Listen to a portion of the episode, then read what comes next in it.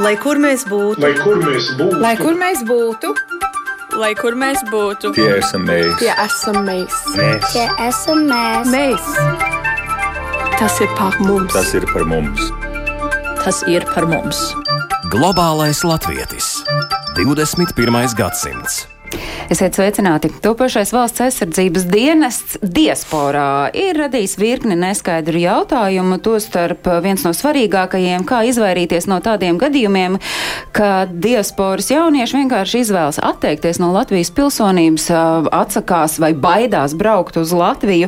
Un tas ir viens no iemesliem, kāpēc ir svarīgi veidot pārdomātu dienesta komunikācijas kampaņu. Tai būtu jāsekmē dienesta prestižs diasporas diasporas jauniešu vidū. Vienlaikus dienestam būtu jābūt iespējai jaunieša karjerā, tam proti būtu jābūt ieguvumam no dienēšanas valsts aizsardzības dienestā. Kā tad veidot dienestu kā rīku, kas palīdzētu jauniešiem iegūt gan labu izglītību, gan praktiskās iemaņas, gan paplašinātu karjeras iespējas? Tas ir tas, par ko mēs runāsim šodien raidījumam Globālais Latvijas 21. gadsimts atvēlētajā laikā gan ar studijas gan ar attālinātajiem viesiem. Un es atgādinu, ka šis ir raidījums, kuram jūs sekot līdz tiešraidē varat gan Latvijas radio mājaslapā, gan radio YouTube kontā. Un ja nu arī jums ir jautājumi, jūs esat pieslēgušies no jebkuras vietas pasaulē šodien mūsu raidījumam, tad jūs to varat darīt, ieejot Latvijas radio mājaslapā un adresējot to tam raidījumam, kas šobrīd skan ēterā, un tas ir raidījums Globālais Latvijas 21. gadsimts. Un tad uh, mēs varēsim gan studijas ekspertiem, gan arī viesiem, kas ir attālināti pieslēgt pieslēgušies, jūsu jautājumu uzdot un uh, saņemt arī atbildi. Un studijā par šo tematu mēs esam aicinājuši Edvīnu Šnori, kurš ir Saimas aizsardzības iekšlietu un korupcijas novēršanas komisijas priekšsēdētāja biedrs. Sveicināti! Labdien! Studijā ir arī Jānis Eglīts, kurš pārstāv aizsardzības ministriju un ir tās parlamentārais sekretārs. Sveicināti! Sveicināti. Un savukārt attālināti mums ir agrā rīta stundā piecēlies Pēters Blumbergs, kurš ir Pasaules brīvo latviešu apvienības priekšsēdis un šobrīd ir Vašingtonā. Sveicināti, Pēteri! Uh, savukārt uh, Jānis Skrebels pārstāv Eiropas Latviešu jauniešu biedrību Eiropas jaunieši un ir šobrīd Londonā. Sveiki, Jāni! Labdien visiem! Un Laima Ozola, lai nebūtu tā, ka vīri vien par šo sarunājas, Laimu mēs esam pieslēguši no portāla Baltika Island IE, un viņa ir galvenā redaktore, bet sāksim mēs ar tehniskajiem uh, aspektiem, proti. Uh, Kāds šobrīd ir ieskicējies valsts aizsardzības dienests un cik tālu ar tā lēmumu pieņemšanu ir tikts? Nu, ir, jā, ir jāsaka tā, ka šobrīd ir pavisam pavisam, pavisam mainīsies visa kopējā ģeopolitiskā situācija, kāpēc mēs vispār nonācām līdz šādiem lēmumiem, kāpēc nu, tas dienests izskatīsies tāds, kāds, kādu mēs viņu piedāvājam. Un, Nu, mums, šobrīd, kā mēs redzam, Ukrainā, šis apdraudējums ir pavisam reāls. Un kā tad izskatīsies tas lai būtu skaidrs? Nu jā, un tātad šī dienesta mērķis ir sagatavot Latvijas iedzīvotājs visaptvarošai valsts aizsardzībai, kur nav tikai viens valsts dienas, bet ir katram pilsonim ir jābūt gatavam aizsargāt, gan aizsargāt savu zemi, gan arī dažādām situācijām. Tātad uh, pirmā lieta jau, kas būs no nākamā gada, kas varbūt nav tieši ar dienu saistīta, bet valsts aizsardzības mācības skolās kā obligāts priekšmets, kad pilnīgi visi, gan vīrieši, gan, gan puiši, gan meitenes, iziet šo valsts aizsardzības mācības kursu, kur viņi nu, apgūst šo pamatus. Tie, kas gribēs, tie arī varēs iziet nometni, un pēc tam tas viss arī palīdzēs tieši šajā pašā šajā pašā valsts aizsardzības dienestā. Vai Mērķis, diasporai šis ir aktuāls? Šis tieši šī aizsardzības mācība noteikti, ka, noteikti, ka šobrīd kā obligāti priekšmetu tiem, kas dzīvo ārpus Latvijas, mēs nevarēsim ielikt, bet viennozīmīgi tas, par ko būtu jādomā par par kādiem kursiem, kādā veidā mēs šo visu varam arī nodot arī diasporas pārstāvjiem, tiem, kuriem rodas interesi savus bērnus nu, teiksim, atsūtīt uz Latviju, lai šo, šo, šīs lietas apgūtu. Un, uh, tas mūsu pamatmērķis ar valsts aizsardzības dienestu likumu ir nodrošināt, ka Latvijā ir, ir uh, nu, teiksim, apdraudējuma gadījumā, ka ir karavīri, kas var stāties pretī profesionāli, apmācīti. Un kā? Caur šo likumu, tieši caur šo dienestu kā tādu, caur šo te, mm, valsts aizsardzības mācību, viss tas, tas viss ir kopā. Un tātad tas attieksies uz vīriešiem vecumā no 18 līdz 27 gadiem. Uh, iesaukumam būs pakļauti ja, cilvēki, kuri būs dzimuši pēc 2004. gada 1. janvāra. Tas nozīmē, ka pirmajā iesaukuma obligātajā tie, kas ir, tie, kas ir dzimuši 2003. un 2002. gadā, uz tiem neatieksies. Un uh, vīriešiem, puišiem obligāti. Uh, sievietes varēs brīvprātīgi stāties. Un ir, ir jāsāk tā, ka tik ilgi, kamēr šis iesaucamo skaits būs, būs mazāks nekā esošais, tad šos tad cilvēkus izvēlēsies algoritms uh, no tiem Latvijā deklarētiem iedzīvotājiem. Nu, kas ir būtiski tieši diasporas sakarā, ka tik ilgi, kamēr mēs iesauksim mazāku skaitu nekā mums ir pieejami, tajā brīdī tik tālu tas attiecās uz Tikai un vienīgi uz Latvijas Latvijā iedzīvotājiem. Jā, kā, kā obligātā kārtā. Tie, kas gribēs brīvprātīgi, vienmēr laipni, mēs esam gatavi sagaidīt Jāni, mēs esam gatavi sagaidīt visus cilvēkus, kas no diasporas gribēs. Bet tad, ja mēs raugāmies uz diasporu, tad kas ir tas? Kas ir tā ziņa, kas ir jāsasniedz diasporu šobrīd, runājot par valsts aizsardzības dienestu? Nu, ziņa tāda, acīm redzot, kas tajā likumā ir rakstīts. Ja, likumā ir rakstīts, ka šis dienests attieksies uz diasporu sākot no 27. gada. Tas ir, kas ir rakstīts likumā. Kā, nu, Nu, un, un ko tas nozīmē? Kas notiek 2027. gadā? Jo es stīpri šaubos, ka diasporas pārstāvi ir to likumu lasījuši. Kas tur ir rakstīts, kas uz viņiem attiecas? Nu, nu, respektīvi, respektīvi, līdz 2027. gadam šobrīd sājuma ir devusi tādu, kā, tādu, nu, kā tādu drošības pilvenu, ka līdz tam obligātā kārtā diaspora neiesauc. Un pēc tajā, tam? Un pēc tam, tajā brīdī, kad mēs varam paņemt pilnīgi visus jaunieši, kuri ir sasnieguši 18 gadu vecumu, tas pilnā, nu, pilnā apmērā attiecās arī uz diasporas pārstāvjiem. Protams, ka arī viņi var saņemt šīs pavēstas. Un, nu, tā teikt, tad uh, varētu būt situācija, kad ir jā, jādodas uz valsti, jāiziet šis obligātais dienests, un tad pēc tam jau var savu nākotnes karjeru būvēt atbilstoši tā situācijai, kas būs tajā brīdī. Jautājums droši vien, kas ir ļoti svarīgs, vai un kā var to nākotnes karjeru būvēt, to pēc mirkļa. Laima, kāda ir tā temperatūra īrijā tagad, zinot to, ka līdz 2027. gadam tie, kas grib brīvprātīgi iesaistīties valsts aizsardzības dienestā, no 2027. gada, nu, principā, jebkuram uh, 18 gadu sasniegušam jaunietim jaunietim īrijā, latvietim, Latvijas pilsonim ir jābūt gatavam, ka viņam var pienākt pavēst. Kāda ir tā temperatūra? Šobrīd ir mazliet atdzisusi, jo ir parādījies šis 27. gads, un tas tā tad nozīmē, ja es pareizi māku saskaidīt, ka tas attieksies uz tiem, kas ir dzimuši mm, 2009. gadā un jaunāki. Mm, nu, viedokļi, atvainojos, viedokļi joprojām ir vis visādi. Sākot no, no jā, jā, braukšu, beidzot ar, nu, tie, kas ir dubultpilsoņi, no pilsonības atteikšanās. Un par ko tas liecina? Jūs redzat, ka nav tā, nezinu, tā komunikācija, nu, ka nav skaidrs, ko tas viss nozīmēs? Nu, es domāju, ka um, īrija, uh, tieši īrija, nav NATO valsts, šeit tā armija, šeit vispār tā izpratne, ja šeit jau jaunietis ir dzimis un audzis, un varbūt pat viņa vecāki jau kaut kādā agrā bērnībā atbraukuši, ja, šeit arī to apdraudējumu tā neizjūt kā Latvijā. Tā situācija ir pavisam savādāka. Nu, tad, nu, un, un ir jau, ir jau arī pilsoņi, kuri varbūt savā mūžā, nu šie potenciālie jauniesaucamie, kuri savā mūžā varbūt pāris nedēļas tikai ir bijuši Latvijā. Un tas valsts aizsardzības, nu tas ir tā kā nu, nu, dzimteni aizsargāt, vai ne? Bet viņi, viņi runā angliski, viņiem dzimteni ir īrija. Nu, tas nav tā, nu. Nu, kā nu, jūs saprotat, ka, ka viņi nesaprot? Jā, Edvīna, ir kas piebilstams. Kā jūs redzat, kā Nu. komunicēt šeit, šeit nu, piemēram, konkrēti tagad ar īrijas jauniešiem? Nu, kā komunicēt? Nu, es domāju, ka, ja cilvēki ir ar Latvijas pilsonību, tad kaut kāda saistība ar Latviju viņiem ir. Nu, ja viņi tā domā, kā, kā nu pat šeit izklāstīja, tad es uzreiz iedomājos, nu, labi, teiksim, ja mums sāktos karš, mums kāds uzbrukt, nu, Krievija uzbrukt.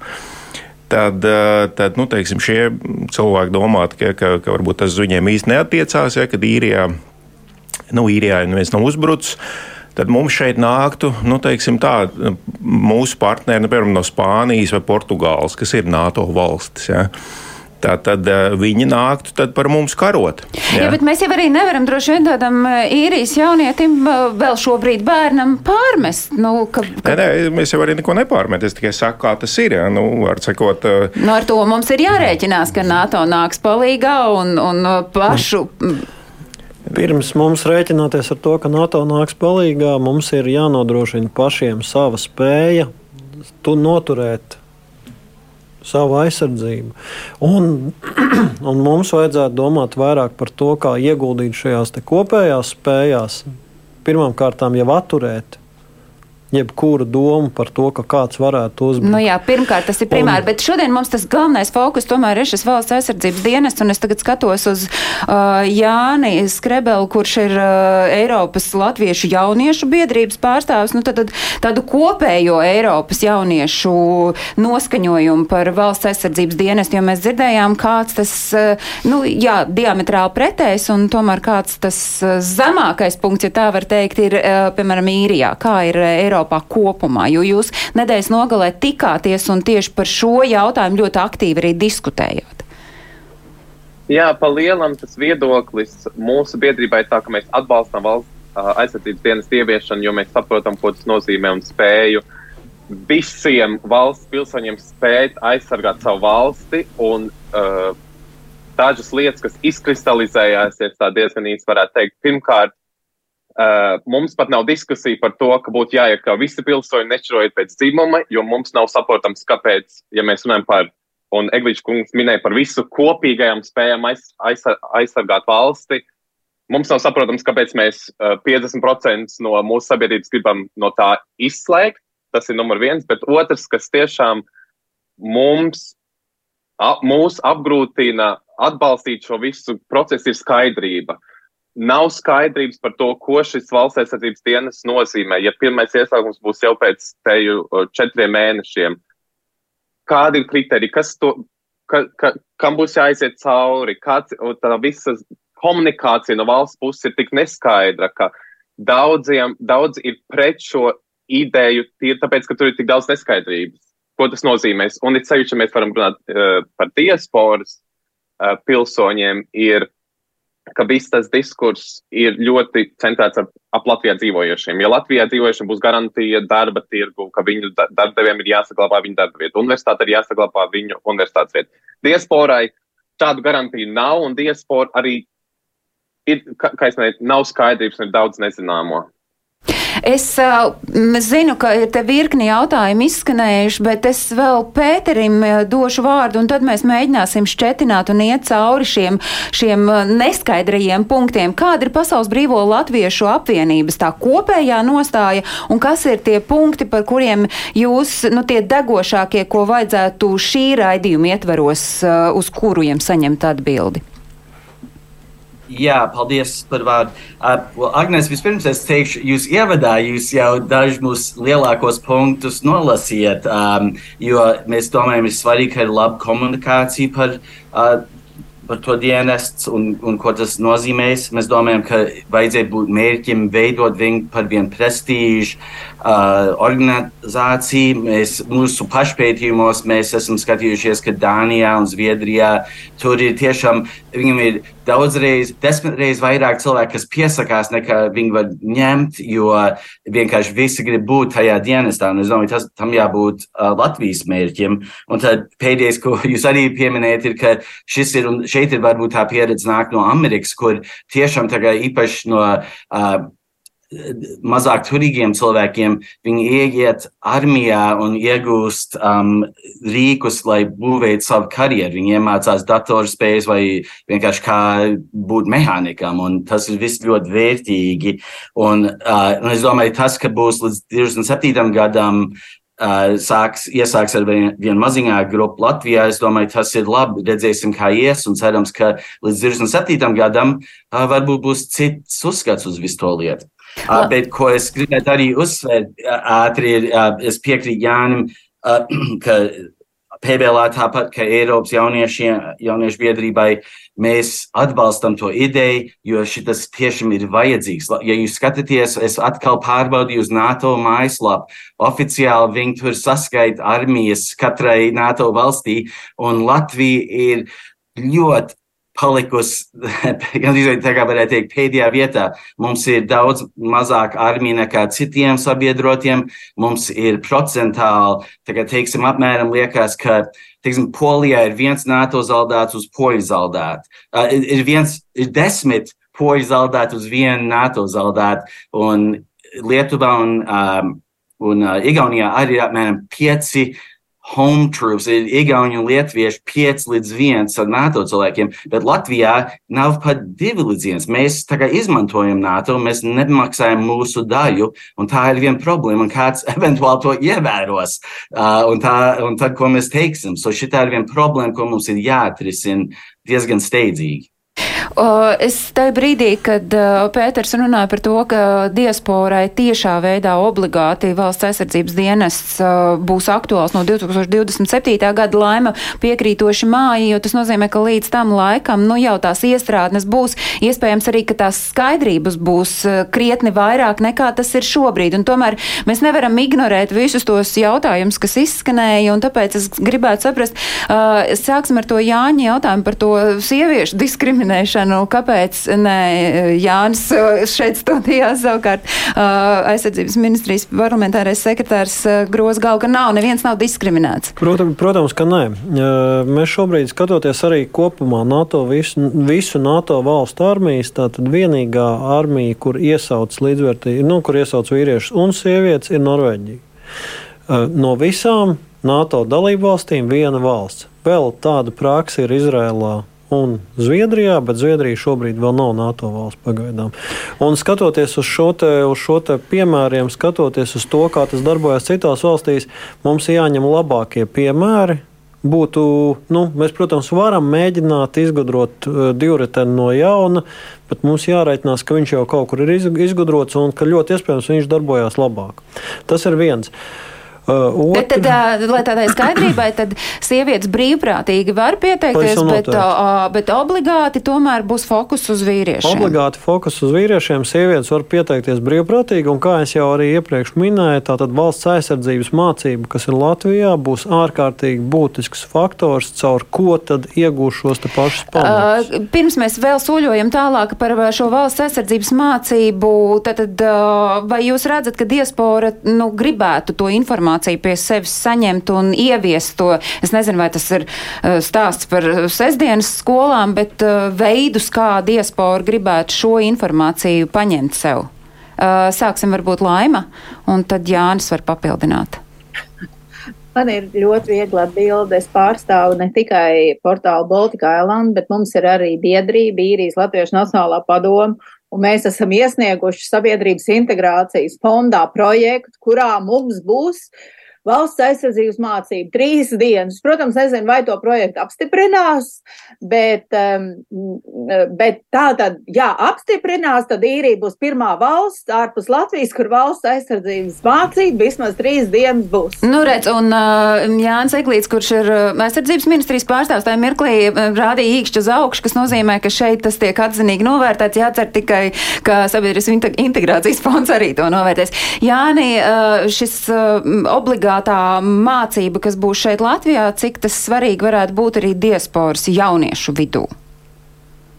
Es domāju, tas ir svarīgi, jo ir interese arī esot ārzemēs aizstāvēt savu valsti. Man gan ir grūti pašai spriest, jo es neesmu iedzinājies valsts aizsardzības mācības koncepcijā, tāpēc es varbūt neteikšu kādu viedokli, pirms es neesmu ar to iepazinies. Mm. Bet tā ideja, esot ārzemēs, arī aizstāvēt Latviju, noteikti ir un vēlme. Nu, tas varbūt iedot papildu tādu motivāciju, patriotismu. Es nezinu, Pēter, kā jums šķiet? Jā, e, es domāju, tā ir laba ideja un būs jāpārbauda. Arī mums šeit ir, mēs neesam vēl tā kā runājuši par tālo diasporu, iepratīm tuvāko diasporu, jo es domāju, tiešām tie, kas dzīvo Austrālijā, Kanādā, ASV, tie mandēli, kas īstenībā būs par vec, lai būtu iesaukt. Bet, Viņi ir uh, trešā paudze, kas ir dzimusi Amerikā. Viņi ir apmeklējuši latviešu skolas un nometnes, un viņi var īstenībā viens no viņiem strādā kā praktikants Latvijā, un viņiem ir tā valoda. Bet ir baigi grūti iedomāties, ka šāds cilvēks meklē no Amerikas un Kanādas, un tad arī, protams, viens cits jautājums, ko es uzskatu, kā kotlīgi ir, jums jau ir diezgan daudz Amerikas un Kanādas karavīri Latvijā. Kāpēc jums jānāk pakaļ vēl kādiem? Uh, kā, kā tas viss, un es zinu, ka daudz valsts to dara. Vienkārši Igaunijai, es domāju, ir atsevišķi līguma ar, ar Ameriku un Kanādu, Jā, nu šis jautājums tagad, jo viens mēs varam varbūt iedomāties, nu kas notiek, ja īrijas vai, vai, vai Vācijas jaunietis saņem uzaicinājumu pavēst, ka viņam ir jāierodas valsts aizsardzības dienestā. Kas notiek ar Austrāliju vai Ameriku? Kā, kā jūs redzat, nu kā tas tīri tagad nu, pamodelējam, viens saņem uh, pavēsti. Kas notiek tālāk? Ja, nu, es to redzu tā, ka tie, kas ir Latvijas pilsoņi, vienalga, kur viņi dzīvo, nu, viņi ir saistīti ar Latviju arī šādā ziņā, ja, ka viņi tā tad iesaistās šajā aizsardzības dienestā. Nu, nezinu, vai 27. gads bija bija laba doma. Es atklāti sakot, domāju, ka to vajadzēja jau diezgan nu, uzreiz ieviest.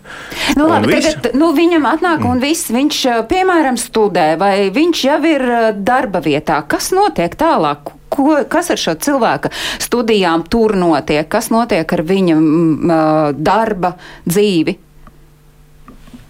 Jūs viens uz otru rādāt. Nē, nu, kas notiek? Nu, var sakot, tagad, kā jau mēs uzsvērām, ja, tagad līdz 27. gadam tas vispār nav aktuāli. Jā, ja. bet 27. gadā tas būs aktuāli. Tas nav, jā, nu, man ir grūti atbildēt, teiksim, kas konkrētajā, nu, var sakot, eh, uzstādījums ir viens. Jā, ja viņam pienāk pavēste, viņš brauc eh, un attiecīgi to, to savu pienākumu pildē. Jā.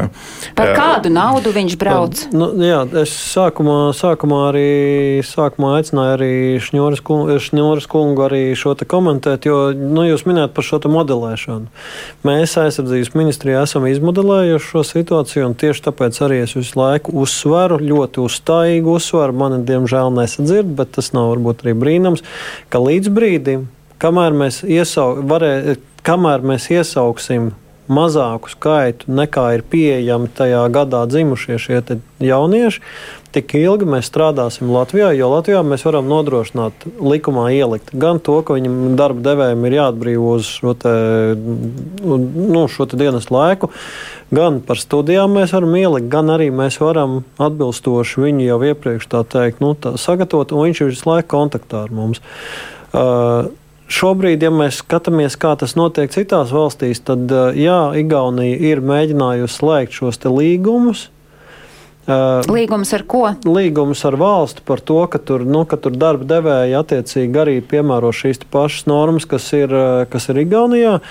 Tiesa gan jāsaka, ka vissvarīgākais un tomēr noteicošais ir paša cilvēka vēlme vai nu būt saistītam ar savu nu, šo te mātes valsti, kā teikt. Nu, vai nu, vai un, ja nu nav, ne. ko, mēs, ko, ko, ko dara, kā, kas notiek tālāk, lai varētu viņu, dab, nu, lai viņš atbrauktu nu, šeit? Nu, roku dzelžos jau nevienu te nevedīs, tas jau arī skaidrs, teiksim, ja tā vēlme nav, tad attiecīgi viņš jau arī uh, neizies to dienestu, ja, nu, vienīgi tad ir jautājums, jautājums, kādas sekas tad iestājās. Es domāju, ka kaut kādām sekām ir jāiestājās. Tā nozīmē, ka nu, teiksim, ir jābūt ķeksītim pilsoņa biogrāfijā, ka cilvēks nu, nav, vēl, nav vēlējies. Bet vai darīt. nav tā, ka pirms mēs runājam par sekām, mums ir jābūt skaidriem spēles noteikumiem, nu, kā mēs dzirdējām, tad, tad ir, kā Igaunijā, ir Protams. līgums ar, ar, ar konkrēto valsti, vai nu tas ir par darba vietas saglabāšanu. Jo šobrīd, nu, kas notiek, Jāni, piemēram, uh,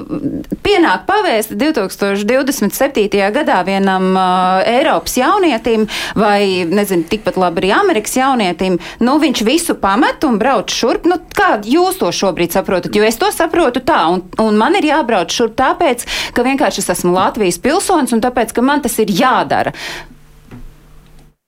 Jā, pirmkārt, es gribu uzsvērt to, ka mēs ļoti vēlamies, lai valsts aizsardzības dienas kļūtu par kaut ko prestižu, kur jaunieši pieteiktos brīvprātīgi, kā tas ir, kā Pēters jau minēja, Skandināvijas valstīs, ka tā ka kvota tiek piepildīta jau no brīvprātīgiem, un tāpēc mēs ļoti vēlamies, un arī tāpēc šī pirmā iesaukuma, šis pirmais iesaukums ir tik svarīgs, lai radītu šo prestižu, un līdz ar to tā doma līdz, tam 27. gadam vai vispār būtu, ka to brīvprātīgo ir tik daudz, ka obligāti neviens ar spiešanu nav jāiesauc, jo tas arī, ko mēs redzam, ka šis diskurs ap šo likumprojektu ir bijis no tādas negatīvās puses, kā mēs sodīsim tos, kuri nenāks, jo um, es dzirdēju, komisijas sēdē bija diskusija par diasporas brīvprātīgu dalību, par to, ka kāds tad jau reģistrēsies Lietuvā, lai tikai izvairītos. Un mums šeit diasporā šī, pie, šī negatīvā pieeja ir ir kaut kas, ko Bet kā jūs redzat saprast, no ja savas puses, jo ja šajā pusē varbūt nav līdz galam skaidrs, kā padarīt prestižu? Es nezinu, es vienkārši Mums, min, es, minu. Es, es jūs atvainos, zināt, kā padarīt zinām, prestižu. Kā kā? Padarīt, mēs zinām, kā viņi padarīt prestižu, un viņš būs Latvijā prestižs. Bet kā? Jautājums ir vienīgi tikai par to brīdi, kad mēs varam iesaukt 9000. Un mums ir uz Latviju, Latvijā uz vietas dzīvo 8700. Skaidrs, ka tie 300 nāks no diasporas. Kā viņu padarīt? Kā viņu padarīt? Pirmkārt, man ļoti, ļoti nepatīk situācija, kad šo valsts aizsardzības dienestu mēģina sajaukt ar uh, to obligāto dienestu, kas vēl bija palicis pāri no Padomju Savienības laikiem. Vai, vai Mums jums šķiet, ir... ka šis varētu būt viens no iemesliem, bet diaspora jau visbiežāk nezina, kāds bija šeit ne, Padomju laikos dienests? Es, es nezinu, redziet, redziet, man ir ļoti grūti, man ir ļoti grūti, uh, nu, teiksim, kā lai saka, uh, runāt par to, kā to redz diaspora vai kā to redz kāds cits. Es zinu, kā tas, es zinu, kā tas mums, kas mums šobrīd notiek. Mums tā tad šobrīd uh, ir pavisam cita attieksme militārajās struktūrās. Mums ir jauni ģenerāļi, mums ir jauni instruktori, mums ir jauni, jauni karavīri ar pavisam pro, ar ļoti profesionālu attieksmi. Mūsu izaugsme šajos neatkarības gados mums ir milzīga. Bet tas ir jānokomunicē, un pirms mēs par to veiksmīgo komunikāciju vēlreiz droši vien malsim un malsim. Kā jūs redzat, nu kā padarīt dienestu prestižu? Ja par to runā, un, un šeit saka, jā, mums būs prestižs, bet kā es pagaidām nesadzirdēju, varbūt Pēterim ir ideja, kā padarīt, lai tas ir prestiži. Zin, Viena lieta, ko es teikšu, um, un tas bija arī PBL oficiālā nostājā, un tas nāca galvenokārt tā doma no jauniešiem, ar ko, ar ko mēs tikāmies, un tas bija, ka vajadzētu nopietni apskatīt to ideju arī ielaist sievietes. Ja tas ir tiešām tik prestiži, tad kāpēc neļaut sievietēm to, dar sievietēm to darīt? Nē, nu, sievietēm jau redz, Pēter, šobrīd sievietēm ļauj brīvprātīgi to darīt. Nu, tad, lai es pieļauju domu, es varu mazliet tādu pareģa lomā iejusties, ka vēl jau līdz 2027. gadam viss kaut kas var mainīties, un arī šobrīd nav viss akmenī cirsts. Bet, nu, bet labi, prestiži tad, ja tur varēs arī sievietes, bet vēl. To, ka, jā, bet sievietes var brīvprātīgi, es to saprotu, bet tas dod tādu gaisotni, ka tas tie, tomēr nebūs gluži tik prestiži, ka tas būs vairāk veči satiekās. Uh, un, so, jā, Edvīnam ir kas piebilstams. Nu, jā, bet ja jau tas tā būtu, tad jau kaut kur NATO izņemot vienā valstī tas tā būtu. Kāpēc pārējās NATO 29 no 30 valstīm tā nav jūsuprāt? Well, jo daudzām, tā kā Amerikā un Kanādā, vispār nav uh, nav tas uh, dienests. So viņiem vienkārši viss ir jau brīvprātīgi no sākuma. Valstīs, kurās ir tas arī, dienests, nu, piemēram, Dānijā. Ja? Nu, Dānija taču visnotaļ Bet Dānija vispār valsts. tiek, un Dā, bet Dānija vispār tiek nu, celta kā, kā tāds piemērs, jo Dānijā ir vairāk gribētāji nekā, nekā to iespēju. Arī, arī Latvijā būs tieši tāpat. Bet kā? Es nesadzirdēju vēl nereizi tieši kā. Kas ir tas? stāstīt, Nē, es ļauju jums drīkst, ja stāstīt. drīkst, es domāju, ka nu, kā, nu, ir jāsaprot vienkārši visiem pilsoņiem. Ja? Viņiem tā jāskatās televizors, jāskatās, kas aiz, aiz durvīm notiek. Ja? Aiz durvīm notiek karš, un mums potenciāli var uzbrukt šeit valsts. Ja? Bet mēs dzirdējām, īrija saka, ka viņi Nē, to nu, tā ja, ja nesajūt. cilvēki, nu, es te pa, par to arī runāju. Ja, ja īrijā cilvēks dzīvo un viņam sirds par to nesāp, ja, un viņam nav, viņš to neizjūt tā, ka viņam tur uzbruks, ja, vai, vai teiksim, ko mātē, vai kam, kas palicis Latvijā, ja, un ka viņam ir jāierodās, ja, nu, tad jau viņš arī var neierasties, un mums, mēs jau nevienu uz ceļiem nelūksim. Ja. Bet, ja ir runa par to, kā cilvēku iesaistīt un kā viņam to motivāciju radīt, ja, nu, tad viņam vienkārši ir jāieslēdz televizors, jāapstāsta, kas notiek. Ja. Jo, ja mēs skatāmies, teiksim, tās valstis, kas atrodas blakus Krievijai, ja, un tā ir Somija un Igaunija, ja, kurās ir ieviests, tur visu tur ir obligāts šis dienests. Ja, un Somijā šis dienests ir obligāts pilnībā, ja visiem, kas, kas 18 gadus Un kā sasniedz. Somija, jūs esat papētījuši, kā Somijas diaspora. Somijā viņš tiešām ir ļoti prestižs, jo tāpēc, Bet... tur ir arī tur ir šī tā vēsturiskā, nu, teiksim, tāda labā pieredze jā, ar tādu varoņu stāstu, kas bija no 39. 40. gada, ja, un tur šī te, nu, teiksim, tāda tradīcija ir iegājusies jau nu, gadu Bet desmitiem. es jūtu, ka, nu, es varbūt esmu šausmīgi skeptiska, bet es jūtu, ka ar tādu tikai tādu nu, mēģināšanu motivēt, man liekas, ka tas vien nenostrādās. Nu, Nu, ir jābūt vēl kaut kādiem Bet īsti- es mehānismiem, kas nesaprotu. padara, padara šo bet es īsti prestižu ar tām iespējām. Jo, ja mēs minam, ka Pasaules Brīvo Latviešu apvienība ir sacījusi, ka viņi uh, gribētu, lai, lai šis dienests ir kā karjeras iespēja, tad kā, nu, kā jūs redzat, kā tas Bet kā galveno argumentu min, ka tad nu, vajadzētu sievietes, un tas būtu tad tā prestīža. Man, es to atklāti sakot, Tad īsti sieviešu nesaprotu. uh, aspekts jums nešķiet, ka tas varētu radīt prestižu. Tā tad ir, tā tad ir jārunā par, nu, es aicinātu pieturēties pie, pie faktiem. Tātad pirmā lieta, ko es jau minēju, šobrīd profesionālitātes ziņā mēs esam stipri blakus labākajām valstīm. Mēs apmācām šobrīd arī mēs apmācām uh, Ukraiņu karavīrus, un ticiet man, to neusticētu valstī, par kuras profesionālismu un attieksmi nebūtu pārliecināti arī mūsu starptautiskie partneri. Otra lieta tā tad. Uh, praktiskais, praktiskais labums ir šī te, tiem, kas iestājās brīvprātīgi, tiem būs seš, pirmajā posmā pavisam noteikti būs 600 eiro kompensācija. Tie, kurus paņem, eh, paņem tā teikt, eh, caur šo pavēstu, tiem ir 300 eiro kompensācija katru mēnesi paralēli tam, ka viņš tiek pabarots. Paralēli tam, ka viņam ir kur dzīvot, un nav jādomā par šo dzīvesvietu. Trešā lieta svarīga ir tā, ka būs iespēja apgūt arī gan autovadītāju, gan autovadītāju šīs apliecības iegūt gan B, gan C kategorijas. Tiesa gan pie piebil, piebildīšu, ka C kategorijas stāsies spēkā tikai tad, kad sasniegs 21 gadu vecumu. Tā kā, nu, to, kā to pieļauj Latvijas Republikas likums. Un šādā veidā mēs arī caur šiem labumiem, caur šo profesionālitāti, jo būtiskākais jau tas prestižu iedod tā profesionālā attieksme gan no šī valsts puses, gan arī to, ko pēc tam iedod tam jaunietim. Tas, ko mēs nulakā dzirdējām, Jāni, tas jauniešus uzrunā. Pat ja viņš ir. Man liekas, Pat ja viņš ir ļoti nu, uh, patriotisks un viņš ar visām četrām ir pār, bet viņš tajā brīdī studē, vai viņam ir laba darba vieta? Atliekam dienestu. E- Es gribēju drusku atgriezties par to, kā padarīt šo prestižu. Un tur ir div, pirms, pirms ir bijis pirmais iesaukums, kas dzīvē parādīs, vai tas ir prestižs. Ir divas ļoti vienkāršas lietas - skaidrība un komunikācija. Eglīškungs, es, es ticu, ka jūs zināt par visu, visu par mūsu ģenerāļ, jauniem ģenerāļiem un tādām lietām, bet mēs to zāru nedzirdam par to komunikāciju. Es šodien pirms šī raidījuma iegāju aizsardzības ministrijas mājaslapā zem sadaļas valsts aizsardzības dienas. Tur joprojām ir rakstīts, ka pirmais iesaukums būs 2023. gada janvārī. Jautājums ir par to, kas nāk no aizsardzības ministrijas par šo komunikāciju, par kāda ir komunikācijas kampaņa skaidri stāstīt, ko, ka, ka varēs iegūt B un C kategoriju, ka varēs iegūt uh, komandas spējas un kā, kā mēs šo pasniedzam um, plašākai sabiedrībai. Un es pilnīgi piekrītu tam, ko Pēters minēja par sieviešu iesaukšanu, jo pagaidām, ja mēs diasporā dzirdam, ka tiks iesaukti tikai vīrieši, ir tāds tiešām tāds boys club, um, tāda atmosfēra ap to, ka, un, un, un man liekas, arī tāpēc cilvēks to sasaist ar tādu padomju stila obligāto militāro dienestu. Tīri tādā uh, sajūtu ziņā, ja, ja iesauc tikai vīriešu un tālāk. Jā, Seklīts ir gatavs es, es, atbildēt. Man, man, man ir ļoti. Skaidrība un.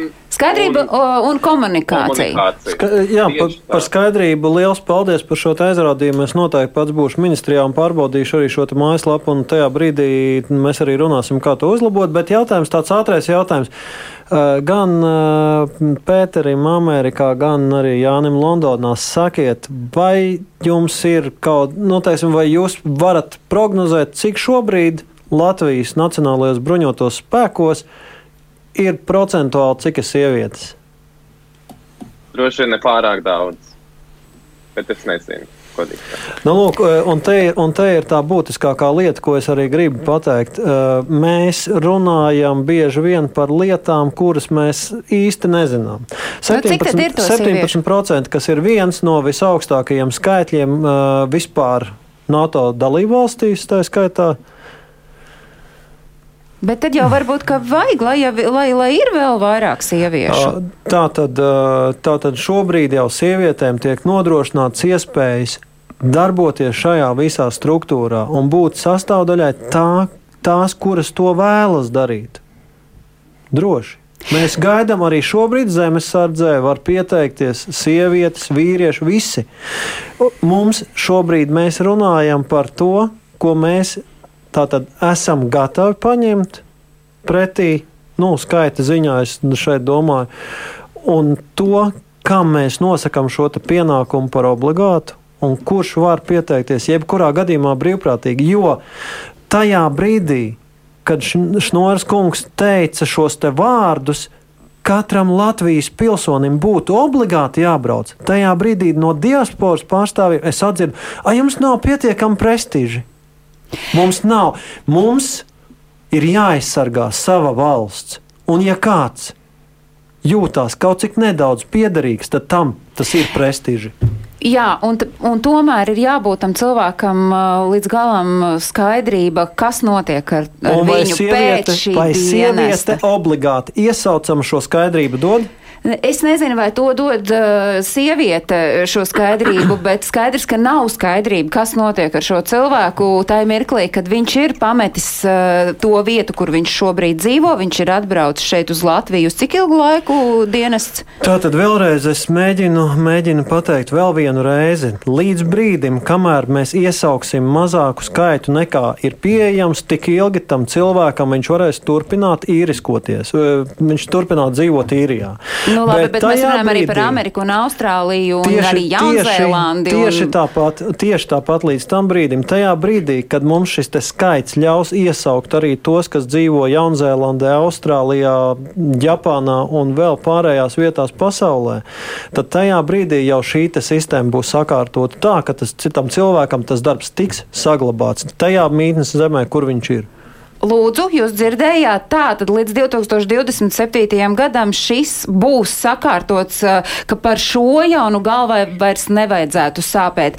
Uh, ir arī uh, klausītāji ļoti aktīvi iesaistījušies šai mūsu sarunā, attālināti, protams, viņi raksta tā, nu, ja nav gatavi braukt, tad tādi latvieši pēdiņās mums nav vajadzīgi. Savukārt kāds cits raksta, godīgi sakot, ar tādu obligāto dienestu, īpaši diasporas vidū, jūs tikai panāksiet to, ka daudz daudzi atbrīvosies no Latvijas pilsonības. Nesaprotu, kādēļ Latvijas valdība cenšas atbrīvoties no maksimāli daudz pilsoņiem un iedzīvotājiem. Tā domā kāds klausītājs. Un savukārt vēl kāds klausītājs saka, ka viņam ir dēls, kuram ir 15 gadu, mēs neatgriežamies Latvijā, jo viņš nezina latviski. Bet es mm. pats esmu pirmajā Latvijas uh, dienestā dienējis.